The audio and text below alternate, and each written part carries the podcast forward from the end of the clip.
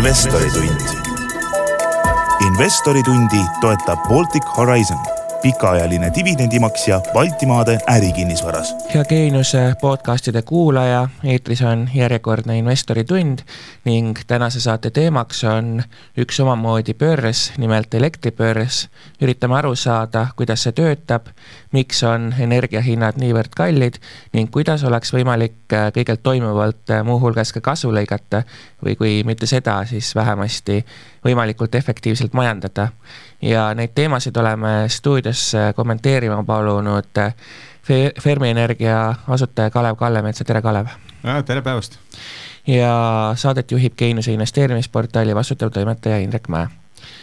aga alustame sellest, et kui üldse on võimalik kuidagi lühidalt kokku võtta, siis miks meil ikkagi nii kõrged energiahinnad on, et äh, paljud räägivad küll sellest, et sõjamõjud ja nii edasi, aga tegelikult need hakkasid tõusma juba ennem seda, et suvel on kõrgemad energiahinnad täna juba kui möödunud talvel ja nii edasi, et kus see põhjus on? tegelikult jah, et elektrihinnad hakkasid tõusma eelmise aasta äh, suve algusest, ütleme niimoodi, kui, kui kaks tuhat kakskümmend mõelda, oli, oli tõsine koroona aasta kakskümmend üks talv oli veel äh, koroonaaeg, siis äh,, siis olid elektrihinnad olid ka ikkagi seal viiekümne, kuuekümne, seitsmekümne kandis äh,, samas siis siis kaks tuhat kakskümmend üks suvel oli seitsekümmend kaheksa, kaheksakümmend oli kuu keskmine eelmine suvi. Ja, ja see oli ka kindlasti kõrge.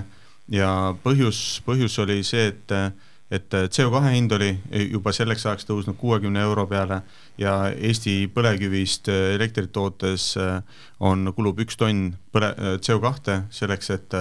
põhimõtteliselt toota üks megavatt-tund. ja, ja nii et paljudel tundidel oli ikkagi hinnakujundaja põlevkivi aga maagaas oli jätkuvalt meil suhteliselt odav ja eriti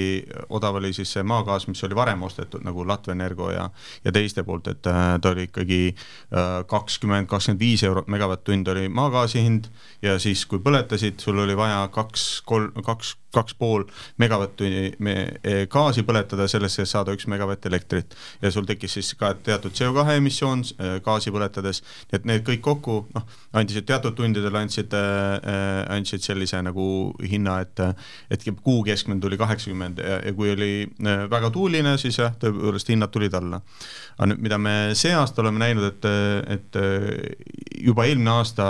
augustis hakkas siis Gazprom ja, ja noh, sisuliselt Venemaa manipuleerima oma maagaasi hindadega, hakkasid tarneid vähendama teadlikult äh, Euroopa Liitu erinevate torude kaudu. Ja, ja see hakkas kõik äh, maagaasi ja majandus tuli tagasi, taastus, nõudlus taastus kiiresti ja need tekitasid nagu selle nõude, nõudlus, nõudluskoha. Ja siis meil tuli talv ja, ja talv oli nagu noh, ütleme normaaltalv ja oli normaalselt külm ja, ja siis äh, me nägime detsembrit, kus oli kuu keskmine kakssada eurot. aga see, et me nüüd suvel on kakssada kolmkümmend kolm eurot juulikuus, kõige päikselisel, kõige soojemal ajal, äh, see on tõeliselt hämmastav ja noh, maagaas on kindlasti suur faktor aga, aga nagu täna ma kirjutasin ka Delfis äh, artikli, et tundub, et meie Eesti Energia võtab ka ikka väga suurt kasumit siin äh, enda, enda hindadega äh, kas tagantjärgi tarkusena saab öelda, et see oli õnnetus, äh, mis hüüdis tulles ja mida oleks pidanud juba, ma ei tea, aasta tagasi tegema, et, et seda kõike ära hoida või leevendada? kui nagu tagasi vaadata, siis et mis siin, mis siin oleks saanud võib-olla teha, et Äh, maagaasi osas äh, oleks võinud need LNG impordivõimekused varem olemas olla, oleksid pidanud enne olema äh, nii Saksamaal kui mujal Euroopas äh, LNG terminalid olemas ja, ja pikaajalised LNG lepingud me oleme nii sõltuvad olnud ennast sakslaste, soomlaste ja teiste teadlikul poliitikal kujundanudki ennast Venemaast sõltuvaks, me oleme uskunud, et gaas on odav ja Venemaa on, need soomlased ja sakslased on uskunud, et so, Venemaa on usaldusväärne partner, see on täielik rumalus. ja, ja, ja see on gaas on olnud ideaalne partner nagu taastuvenergiale, et on tehtud nägu, et taastuvenergia jah, teeme, teeme, aga tegelikult taustal on kogu aeg gaas, gaas, gaas. ja, ja noh, seni kuni gaas oli odav, see nagu kui tundus, et toimib, aga nüüd, kus gaas ei ole odav ja, ja, ja teda tegelikult ju Euroopas endas gaasi nagu praktiliselt ei toodeta või see on vähenenud aasta-aastalt pidevalt, nüüd on nagu probleem käes. räägime natuke ka elektribörsist Nord Pool, et äh, see on äh, saanud päris palju kriitikat, et küll ta on läbipaistmatu ja seal on kõiges süüdi, et äh, meil kõrged hinnad on ja et Eestil oleks üldse äh, mõndade poliitikute meelest kohasem sealt üleüldse lahkuda ja nii edasi ja nii edasi, et kuidas teie, teie selgitaksite, et kuidas see Nord Pool üldse toimib ja kui hea mõte sealt lahkumine on? see oleks nagu vabalt turult lahkumine või? Jah, no kuidas sa, ütleme, mis on see teine mehhanism, kuidas sa saad äh, viimane, viimased tootmisvõimsused turule. et seda on nagu väga raske välja mõelda, kuid mida, mille osas mina olen ka täpselt samal meelel kui Sandor Liive, et need, äh, mis hinnaga need pakkumised tehakse ja kes teeb, need peaksid olema avalikud, sellepärast et on ülekaalukas avalik huvi kogu ühiskond, kogu ühiskond, kõik maksavad sama hinda, mis on viimase pakkuja hind. nii et peaks olema ilmne, selge, miks me seda hinda maksame. seni, kuni see on äh, anonüümne, salastatud, seni me ei saagi aru, miks selline hind kujuneb. nii et äh, see on see ilmne põhjus, kus ei ole lihtsalt äh, kahe vastastikku osapoolne tehing, mis on kahe osapoole asi, vaid see on avalik huvi teada, miks selline elektri hind kujuneb, sest see meie printsiip on see, et viimane tootmisvõimsus, mis äh, äh, turule tuuakse selleks, et äh, iga sekund ja iga tund, iga veerandtund vastaks tootmine tarbimisele. see kujundab ka selle koguturu hinna ja see, see muudab põhjendatuks selle, et, et oleks hind, oleks avalik, selle hinna kujunemine ja selle hinnapakkuja. nii et ja mina, ma ei näe, et see kahjustaks tegelikult konkurentsi ja ma ei näe, et see tegelikult kahjustaks pakkumist et äh, need väited on minu arust alusetud ja otsitud. et äh, seetõttu mina arvan, olen veendunud, et see peaks olema avalik ja mina nähe, nähes, et me oleme tulevane pakkuja turule, meie jaoks see kindlasti probleemi ei oleks. räägime natuke veel selle mehhanismi lahti, et kas ma saan õigesti aru, et, et äh, turule pääseb täpselt nii palju pakkujaid, kui on nagu parasjagu nõudlus ja kui mõni suurem pakkuja, näiteks elektrijaam on remondis, et siis saavad lootuse nii-öelda ka, ka väiksemad pakkujad äh, turule tulla või kuidas see täpsemalt käib? Äh, Nord Pool peaks seda ise seletama, aga kuidas mina seda aru saan, on niimoodi, et iga päeva teatud kellaajaks, kas see on kell kolm, teevad iga järgmise päeva, iga tunni kohta äh, eeldatakse teatud nagu võrguettevõtted eeldavad teatud koguseid, äh, tarbimiskoguseid, neil tekib see nõudlusgraafik ja siis äh, kogub see börs need pakkumised erinevatelt tootjatelt ja tekib pakkumisgraafik. ja see koht, kus äh, see, need kokku lähevad, see on siis hind kõigile selleks konkreetseks tunniks. et igaks tunniks tekib selline graafik ja, ja see kokkupuutepunkt ongi see hind, mida kõik tarbijad maksavad. et see ja ongi see viimane piirhind, mis, äh, kus nõudluspakkumine kokku lähevad äh, kogu selliselt, need kujundab, see kujundab ka hinna kõigile, kogule turule ja see ei ole, ausalt öeldes see ei ole optimaalne mehhanism kui äh, riik nüüd tuleb välja alates oktoobrist univer-, universaalteenuse lahendustega kodumajapidamisele, siis ma saan aru, et see on see on Nord Pooli väline, et äh, kui palju see üldse kogu seda, seda börsi mõjutab ja, ja kui hea lahendus see teie hinnangul üleüldse on? et äh, olukord on meil tõsiselt dramaatiline, tõsiselt halb ja, ja, ja arvestades seda, et tõepoolest on sada protsenti riigile kuuluv ettevõte, kellel on äh, juhitav tootmisvõimsus äh, Auvere jaama näol siis äh, kõikidest äh, halbadest lahendustest, mis on ja, ja arvestades, arvestades ka ajafaktorit, et äh, talv ei ole enam kaugel õiguslikud mehhanismid vajavad ka rakendamist, et siis nendest lahendustest ma arvan, et see, see kogu tervikus vaadates lühiperspektiivis, see on, see on mõistlik lahendus. kuid mis mulle nagu, nagu ma enda artiklis ka kirjutasin, mulle sügavalt arusaamatuks ja minu arust on äärmiselt kaheldav need väited, et see hinnapiirkond peaks tulema sada kaheksakümmend eurot, et äh, see kuidagi ei vasta tegelikule tootmiskuludele, mis Eesti Energial eelmisel aastal olid ja mille korral ta teenis väga arvestatavat kasumlikkust ja, ja kui CO2 hinnad olid väga sarnased, kuuskümmend eurot, täna on kaheksakümmend eurot, et kuidas ootamatult siis amortisatsioon või, või kasumi ootus on nagu siis nii palju tõusnud, et, et, et eelmise aasta keskmise hinna seitsekümmend seitse asemel peaks hind olema sada kaheksakümmend, ma, mina sellest aru ei saa. Äh, kui palju riik üldse peaks, selles mõttes te küll ütlesite, et olukord on dramaatiline, aga üldse, et kui palju riik peaks üldse nii-öelda vabale turule sekkuma, võib-olla niisugune filosoofilisem küsimine, küsimus vahele, et selles mõttes, et tegelikult tõsi ja tõsi on ka see, et me oleme saanud nautida väga madalat elektri hinda siin aastaid. mina kir-, äh, minu huvi nagu energeetika vastu üldse nagu äh, sai alguse kirjutades EBS-is magistritöö riigi osalusega ettevõtete noteerimisest ja ilmselgelt Eesti Energia on jätkuvalt suurim riigi osalusega, sada protsenti riigi osalusega turusega ettevõte, mis on jah, Enefit Greenist teatud osa nagu, väikse osa nagu turule äh, pakkunud, äh, võib-olla toob veel, on ju aga tõepoolest, elektri tootmine on äh, mingis määras eri, eriline, aga samas ka nagu tavaline nagu tootmise, kus on majanduslikud riskid ja majanduslikud otsused. et siin äh, äsja riik on sekkunud äh, oma kapitaliga, et jõuga ära teha omaniku otsusega õlitootmistehase, mille noh, tegelikult täna on õlihinnad kõrged, aga millised, kui palju ta tasuta kvooti saab, majanduslik risk on väga suur, et ka kaks tuhat kolmkümmend õlitootmist enam ikkagi ei ole. Et äh, arvestades just see süsinikheite koodi hinda ja selle tasuta allokatsiooni vähenemist, kiiret vähenemist. Et, äh, et seetõttu mina nagu poli-, nagu üldiselt ikkagi poliitiline äri, poliitika otsused ja ärilised otsused koos ei peaks käima, aga täna on nagu reaalne olukord,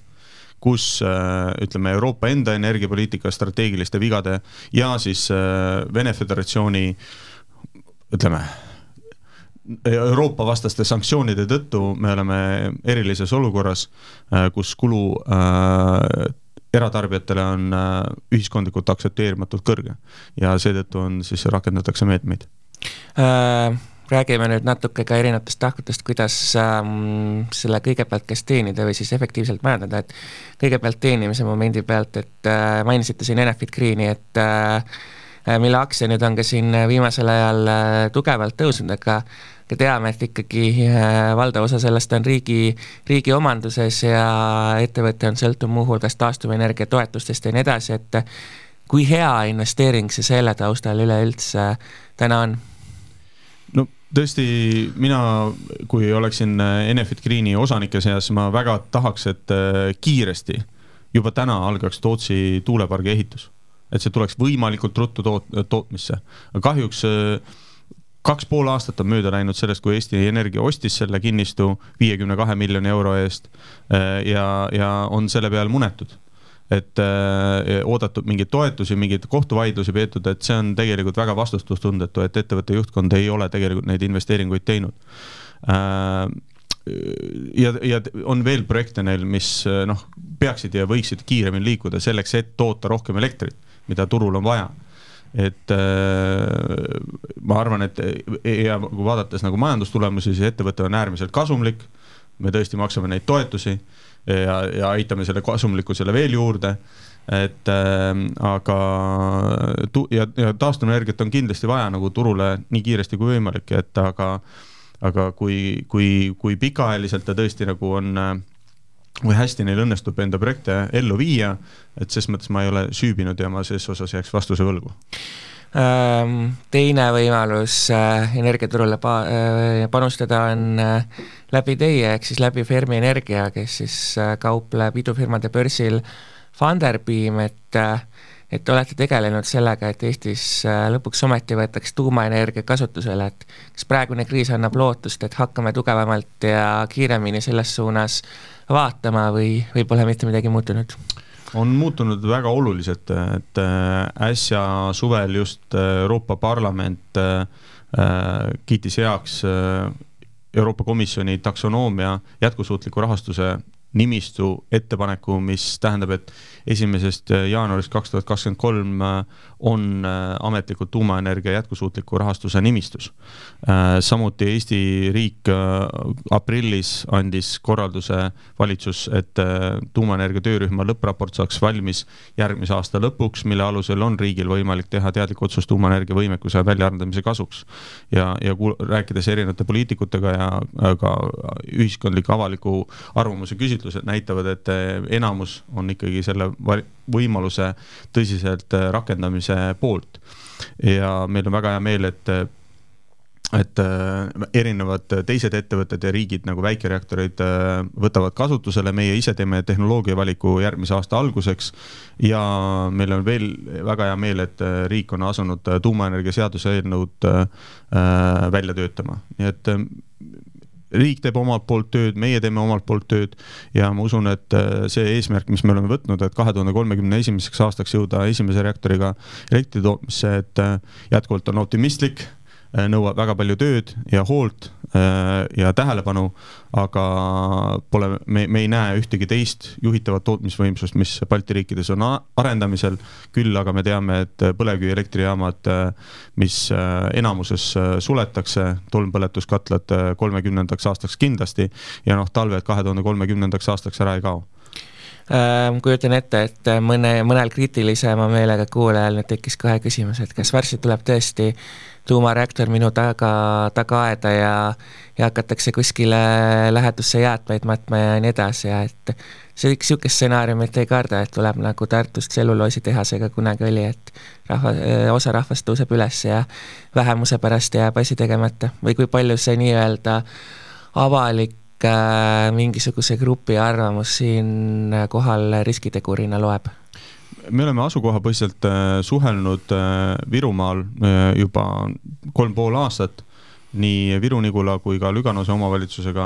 on asjalik suhtlus, mõlemad tutvuvad tuumaenergia tehnoloogiaga ja mõlemad on ka huvitatud, et riik endapoolsed otsused teeks, et et äh, planeerimistegevusega saaks alustada, sest äh, planeerimistegevus on see äh, lähtuvalt Eesti seadustest, mille käigus sobiv asukoht tuvastatakse koos keskkonnamõju strateegiliste hindamisega. aga vaadates, et teisel pool lahte Lovisas tuhat megavatti elektrit toodetakse, meie seda tarbime täna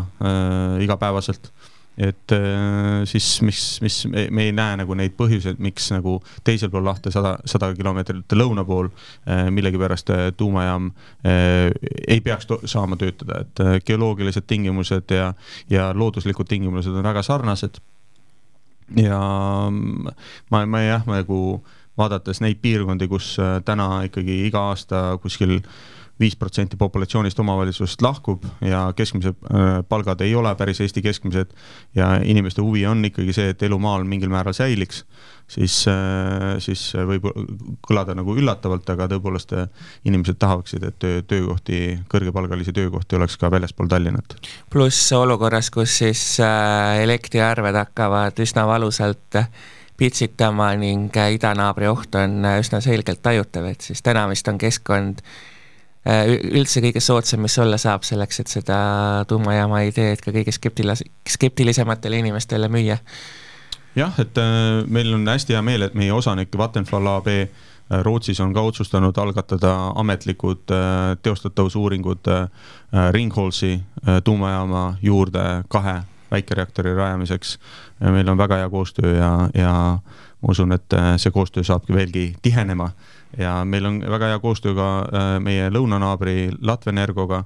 ja, ja taas ma ei saa kõigest veel rääkida, aga, aga nendega koostöö saab tihenema. Fermi Energia osaku hind on äh, selle aasta alguses äh, tuli hüpe, pärast seda on olnud äh,, olnud küllaltki stabiilne, et saan aru, et häid uudiseid on oodata ja kes tahab teenida, siis viimane aeg Funderbeamil sisse hüpata jah, tõepoolest me, me plaanime järgmist rahastusringi kindlasti tänasest äh, kõrgemal valutatsioonil Äh, Fermi Energia on rääkinud äh, isegi kahest reaktorist, et kui palju need elektri hinda alla tooks ja Eestile sõltumatust tagaks? no just seda suuremat pilti arvestades meil on vaja rohkem kui kaks isegi, et, et kuna me oleme ikkagi Balti riikidega saame, oleme saba ja sarve pidi seotud ja seda ära me purjetada ei saagi, kuigi laulusõnad on ilusad. et, et, et eriti peale desünki me oleme üks, üks elektrisüsteem hinna mõttes oleme ka väga, väga sarnased, et, et ka defitsiit Lätis-Leedus on, on see, et mis, mis, millega tuleb arvestada, nii et ei ole, tõenä-, reaalselt ei ole ei Tallinna ega Tartu elektriturgu eraldi, samamoodi Eesti elektriturgu Lätist, Leedust lahus on nagu va-, noh, ei ole realistlik vaadelda, nii et me peame sellega arvestama ja see selgitab ka lätlaste huvi nagu osaleda, osaleda väikereaktori rajamises, nii et meil on reaalselt Baltikumi seisukohalt on vaja nagu täna on puudu tuhat megavatti iga kell.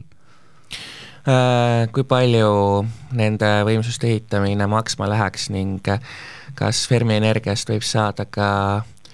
börsiettevõte, kus igaüks saab äh, selle nii-öelda võimsuse äh, väljaarendamisesse äh, laialdaselt panustada? jah, et osanikud on teinud otsuse aktsiaseltsiks ümber kujundada ettevõte, me vastavad hääletused oleme teinud ja, ja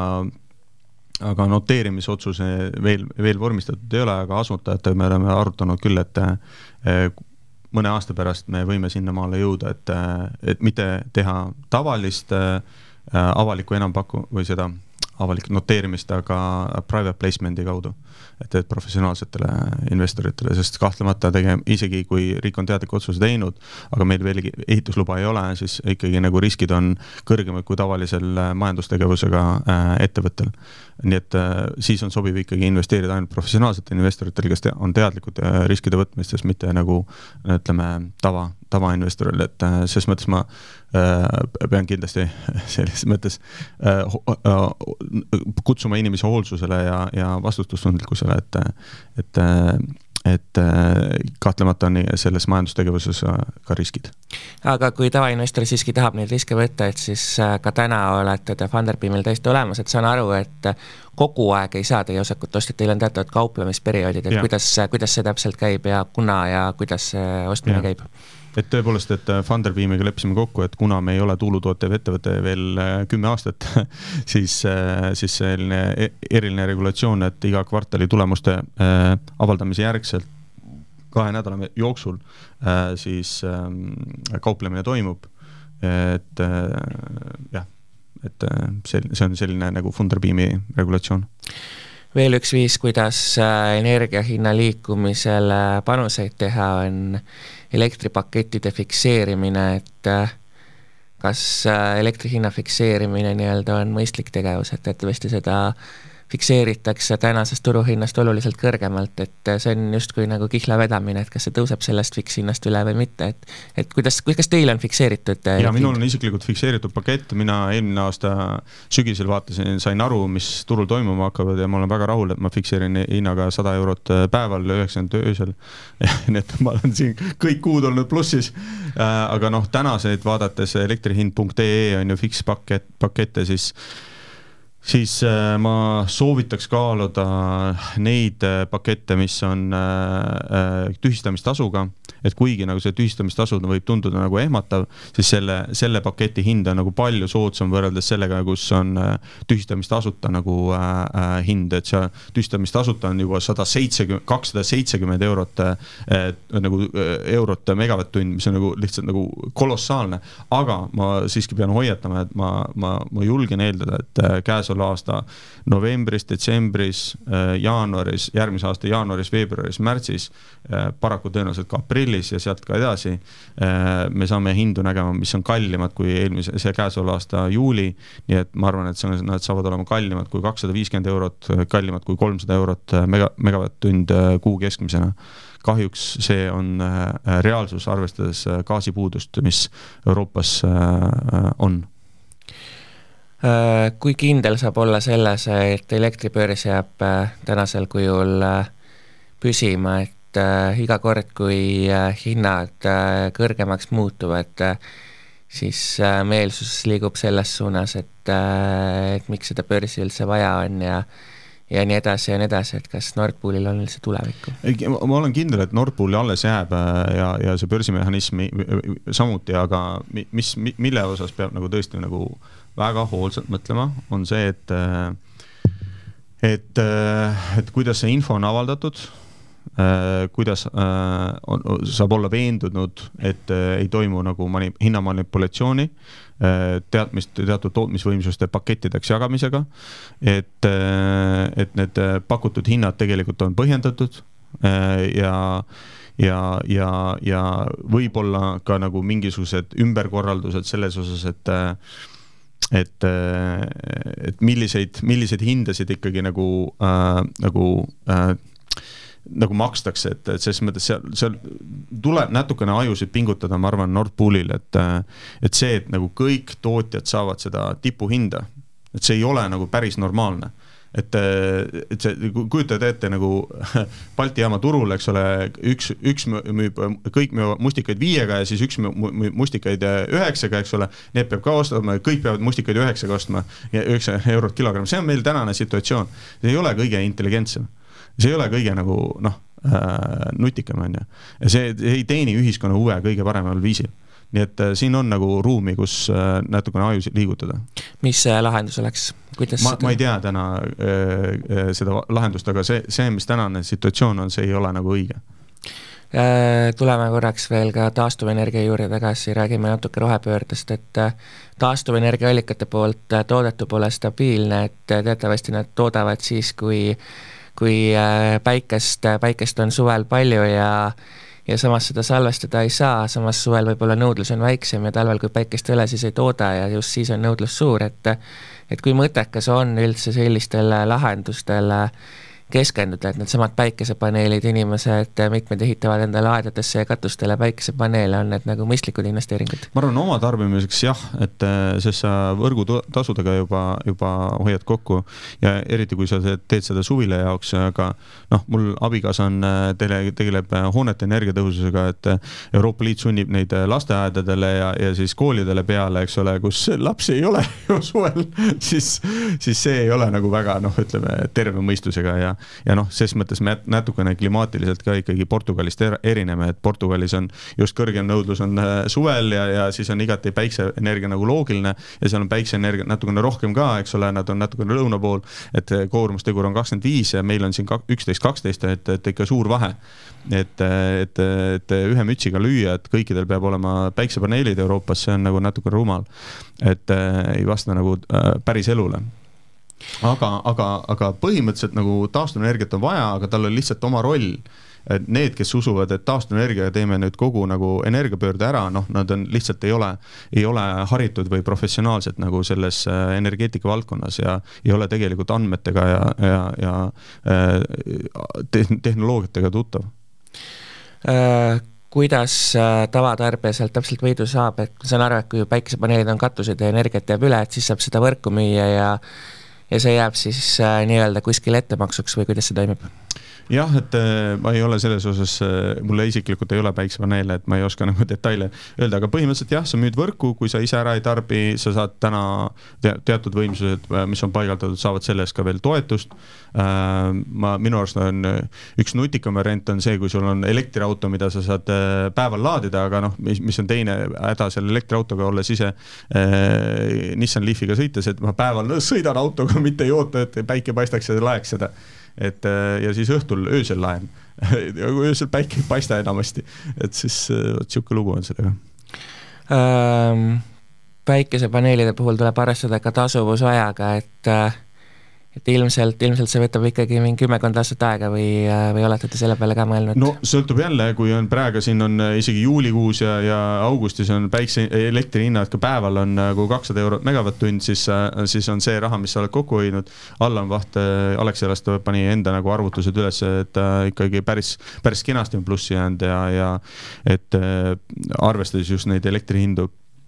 et äh, kui on nagu sellised elektrihinnad nagu praegu, siis võib isegi need ära teenida, ära tasuda ennast ja kui saad toetust ka veel, siis võivad ära tasuda isegi viie aastaga, kui isegi kuue aastaga, et äh, sõltub ka jälle, palju seal äh, metsa ees on ja kuidas lund peale sajab ja kui hoolsalt sa neid hooldad ja kas läheb mõni rikki või ei lähe, no nii et seal mõned muud sellised eripärad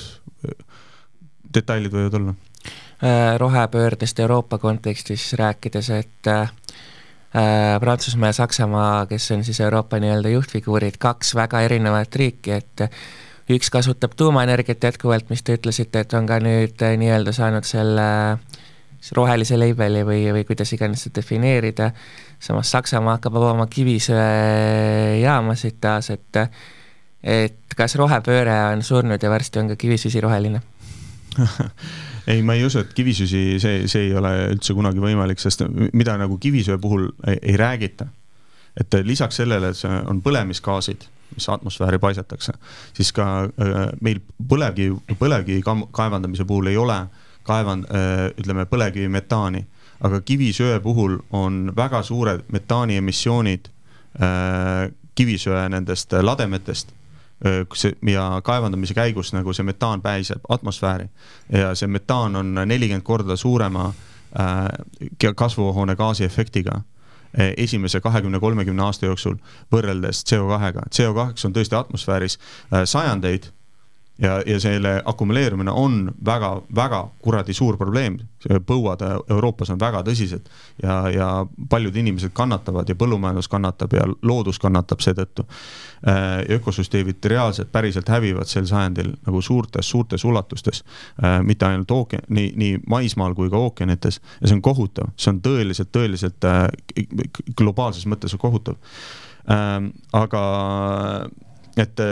et see metaan on nagu väga suur probleem, nii et ma ei usu, et kivisüsi kunagi nagu roheline saab olla. ja seetõttu ongi hästi piinlik tegelikult sakslastel, et, et tõepoolest see aasta on suurendanud oluliselt kivisöe põletamist ja kivisöe importi ja, ja see on neile väga välja, väga kalliks läinud, sellepärast et nad nagu ise kivisütt enam ei kaevanda, vaid toovad selle kõik äh, mujalt sisse ja nüüd Venemaalt ka ei saa, kus sai jutumärkides odavamalt, on ju ja nüüd äh, tuleb äh, Lõuna, Lõuna-Aafrikast, Kolumbiast ja Austraaliast veavad kivisütt, tarkpead on ju. Ja siis räägivad nagu rohetehnoloogiast, et, äh, et reaalsus on jah, nagu väga nukker Saksamaa jaoks, et et ka täna, tänapäeval jälle oli, oli tuulevaba päev või noh, mis ei olnud tuult ja, ja oligi, kivisüsi oli põhjas, maagaas ka, eks ole, sest ikkagi numbrid peavad klappima et äh, ja importis ikka kusjuures Prantsusmaalt hommikul ma vaatasin numbreid äh, kahe gigavati jagu äh, tuumaenergiat. et nad on jah, väga huvitavad, omapärased, austerlased ka, eks ole, et vetostavad ja on kõigele tuumaenergiale kümne küünehammastega vastu, aga ta, tarbivad hea meelega et väga kummalised, taanlased on samasugused, kes, et äh, tuult, tuult, tuult meeldivad, aga siis rootslased saavad, saavad tuumaenergiat ka ja siis pärast äh, õiendavad äh, selle tuumaenergia kallal. väga kummaline käitumine. kas te olete aru saanud, et mis neil nagu üldse need argumendid tuumaenergia äh, vastu on, et on seal mõni tõsiseltvõetav argument ka või pigem no, mitte? kogu aeg hädaldatakse, et oi, et mingi hirmus õnnetus juhtub ja, ja siis kiiritus ja, ja siis on tuumajäätmed, aga nagu ühtegi konkreetset näidet Euroopa Liidus, kus jäätmete tõttu keegi oleks kannatada saada, ei ole. ühtegi näidet Euroopa Liidus, et oleks tegelikult õnnetus juhtunud, ei ole. et noh, et äh, tsunamisid meil ju ei juhtu. Äh, Tšernobõli tüüpi reaktoreid ei ole, järelevalve on väga hea, meil on nelikümmend, viiskümmend aastat olnud üle saja tuumareaktori Euroopas ja ühtegi õnnetust ei ole. tuumajaamad on ohutumad kui lennukid, autod ja, ja ükskõik mis nagu tehnoloogia praktiliselt, mida me Euroopa Liidus oleme kasutamas igapäevaselt. et noh see, see, mida need tõepoolest ideoloogilised vastased, kes seostuvad selle tuumaenergia Ameerika ja, ja kapitalistliku imperialismiga, on ju, ja noh, sellised vasakpoolse meelelaadiga inimesed, need loomulikult mõtlevad igasuguseid äh, vaimukujutlusi ette, nagu on ka nende äh, vaktsiinivastased ja siis veel sellised need vandenõuteoreetikud välja mõtelnud, aga noh, see ei vasta tõele. see on noh, need on väljamõeldised Need mingid andmed ei tõenda seda? Äh, üks hirm siiski üha rohkem Euroopas äh, pead tõstab, et see on ikkagi üks äh, hullumeelne riik, kes on meie naaber ja kes Ukrainas on ühe Euroopa suurima tuumajaama enda valdusesse saanud, et kui seal peaks midagi juhtuma, siis saavad kõik need vasakpoolsed öelda, et ei tulnud just su. või kui tugevaks te seda Zaporižžja riski nii-öelda hindate, et see võib kogu tuumaturu nii-öelda teistpidi pöörata? ei pöörata midagi, et et me, see reaktor on seal hoopis teist tüüpi, kui oli reaktori kanaalini Bolšoi Motšnosti äh, Tšernobõlis. et seal ei olnud ei metallist surveanumat ega ei olnud tugevat terasbetoonist kaitsekeste. nii et isegi halvimal juhul, kui äh, Vene Föderatsiooni äh, tõesti mõrvarlikud ja, ja kohutavad juhid annavad korralduse teadlikult äh, purustada äh, juhtimisseadmeid ja olulisi sõlmi, siis äh, me töö juures analüüsisime ka, et mis see nagu kõige halvem stsenaarium on ja kõige parem referents, äh, noh, ütleme adekvaatne referents äh, mingil määral on tuhande üheksasaja seitsmekümne kaheksandal aastal äh, Mile Island avarii. ja kuna ikkagi need kaitsekestad on ka Vene survereaktoritel olemas, siis sellist atmos-, otse atmosfääri eksplosiivset pihkumist, nagu oli kaheksakümne kuuenda aasta aprillis äh, Tšernobõlis, see ei ole võimalik sellist mehhanismi ei ole, selleks, seda, seda välistavadki need kaitsekestad. samasugust äh, vesiniku detonatsiooni, nagu nägime äh, Fukushimas, samuti ei saa juhtuda, sest see, seal on kõva kaitsekest ja, ja mida Jaapanis ei olnud. seal meie teada on ka Ukrainas peale Fukushimat viidi läbi stressitestid ja seal peaks olema paigaldatud mitteelektrilised ehk et ilma elektritoitjata toimivad vesiniku kombainerid. noh, ütleme, mis kombine-, seovad vesiniku ära piisavalt, et tema eh, kontsentratsioon ei tõuseks kaheksa protsendi peale, mille juures eh, vesiniku plahvatus on tõesti võimalik. ja kes kõik, kes on vesiniku entusiastid, peaksid väga hoolikalt eh, tähelepanu pöörama vesiniku plahvatustele, need on päris, päris tõsised riskifaktorid, nii et jah, on võimalik, et äh, cesium sada kolmkümmend seitset äh, mingil määral sealt emiteerub, äh, kui teadlikult sulatatakse reaktori tuum üle, ülesse ja välistatakse avarii jahutussüsteemide toime, mis, mis, mis avarii jahutussüsteemid on ka automaatsed, mis peaksid rakenduma. kui nad neid välja lülitavad teadlikult ja noh, teadlikult põhjustavad õnnetuse, ka sellisel juhul, kui nad kaitsekeste või neid kaitse, pooleteist meetri paksuse terasbetooniga hooneid ei nagu suure koguse lõhkeainega ei purusta, siis äh, ka see, ka sellisel juhul on see teras äh, kestas surveanum, mis, mis peaks välistama nagu see, nagu Tšernobõli ja Fukushima stsenaarium. ütleme, Fukushima stsenaarium on, on, ütleme, kõige halvem et sul on tõepoolest äh, kuskil kümne-viieteist kilomeetri raadiuses on kiirgus kiirgusfoon on tõusnud ja, ja ütleme, see ei ole hea keskkond inimesel olla, aga meie need kahjuks Vene väed pommitavad, tapavad inimesi iga päev niikuinii. Nii et, äh, nii et ma, ma ei näe, et, et sellest äh, Tšernobõlist või see, vabandust, Zaporožiast saaks tulla äh, Euroopa taseme tuumakatastroof, see lihtsalt ei ole selle tehnoloogia puhul selline see stsenaarium ja kui äh, nii-öelda Eestis hakatakse seda argumenti kasutama, et idanaaber, idanaaber, et siis tegelikult vahet ei ole, kui idanaaber tahab, siis ta võib Soome, Soome omasid ka nagu, nagu lõpuks saboteerida või või kui, kui see peaks nagu nii kaugele minema, et siis pole vahet, kas see asub kuskil Põhja-Eestis või Lõuna-Soomes, eks. Noh, jah, ma, ma, ma, ma ütleks, et, et kui äh, ka raketirünnak on kahtlemata stsenaarium aga jällegi see kaitseväliskest on nii tugev, et ameeriklased äh, äh, katsetasid konkreetselt äh, lennuki, siis ründelennuki sõitmise sellesse kaitsekesta paksusesse betoonplaati reaktiivlennuki kiirusega kaheksasada seitsekümmend kilomeetrit tunnis koos kütusega. ja noh, jah, pindmiseid kahjustusi see betoonplaat sai, aga, aga noh, seda ei penetreerinud et äh, nagu, kui ta ei ole just punkerpurustusrakett äh, ja mida Venemaal vist ei ole, siis äh,, siis äh, kaitsekesta penetratsiooniga äh, suure lõhkeaine laenguga ei tohiks juhtuda.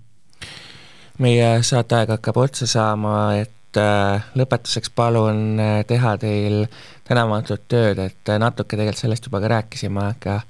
mis on kõige kallim elektri hind, mida me sellel talvel näeme ta saab olema kallim kui eelmisel aastal, et äh, eelmisel aastal me nägime, et äh, jõudis ühel päeval üle viiesaja euro, seda me hakkame nägema niimoodi, et äh, kui on, kui on vähegi õues miinuskraadid, on päris tõenäoline. tuhat, kaks tuhat? ma, ma ei, ma, ma ei arva nii palju vast mitte, et et see maagaas nüüd nagu üle võlli nagu kallis ka ei ole, et need, need, need tuhat eurot pluss on ju, need hinnad tulid siis, kui nagu äh, tööstustootmised enda noh, tootmist sulgesid ja, ja loobusid tarbimisest et äh, kui noh, see, see, see peaks muutuma nagu, nagu väga oluliseks määraks nagu kuidas hinna, hind kujuneb, siis see, seal on ka väga suured majanduslikud kahjud toot-, tootmisettevõtetele. et, talv saab olema kindlasti raske ja kahju, kahjuks on uudis on see, et, et ma ei näe nagu seda, seda väga raske on näha nagu seda stsenaariumit, kus ka kahekümne kolmandal, neljandal ja viiendal ja kuuendal aastal nagu äh, maagaasi hind äh, Euroopas vähemalt saaks oluliselt langema, seni kuni äh, Vene Föderatsioonis ei ole taastatud demokraatiat. mida me igaüks kohe täna saame selleks ära teha, et kahjud meie jaoks võimalikult minimaalsed oleks? Mida meie, meie osanik Sandor Liive enda kodus paigaldas maagaasi asemel pelletikütte. mina tegin äh, otse elektrikütte asemel nibe soojuspumba äh, äh, õhk-vesi ma arvan, need on need tehnoloogiad ja, ja päiksepatareid, kui on korralik sobiv kat-, päiksepaneelid, kui on sobiv katus, on mõistlik mõte et äh, need on need sellised äh, kiired, kiired fix'id, et mis, äh, mis võivad, võivad töötada ja nagu kulusid kokku hoida. suur aitäh täna selle intervjuu eest, Fermi Energia asutaja Kalev Kalemets. palun. ja Investori tund on eetris taas nädala pärast, kuulmiseni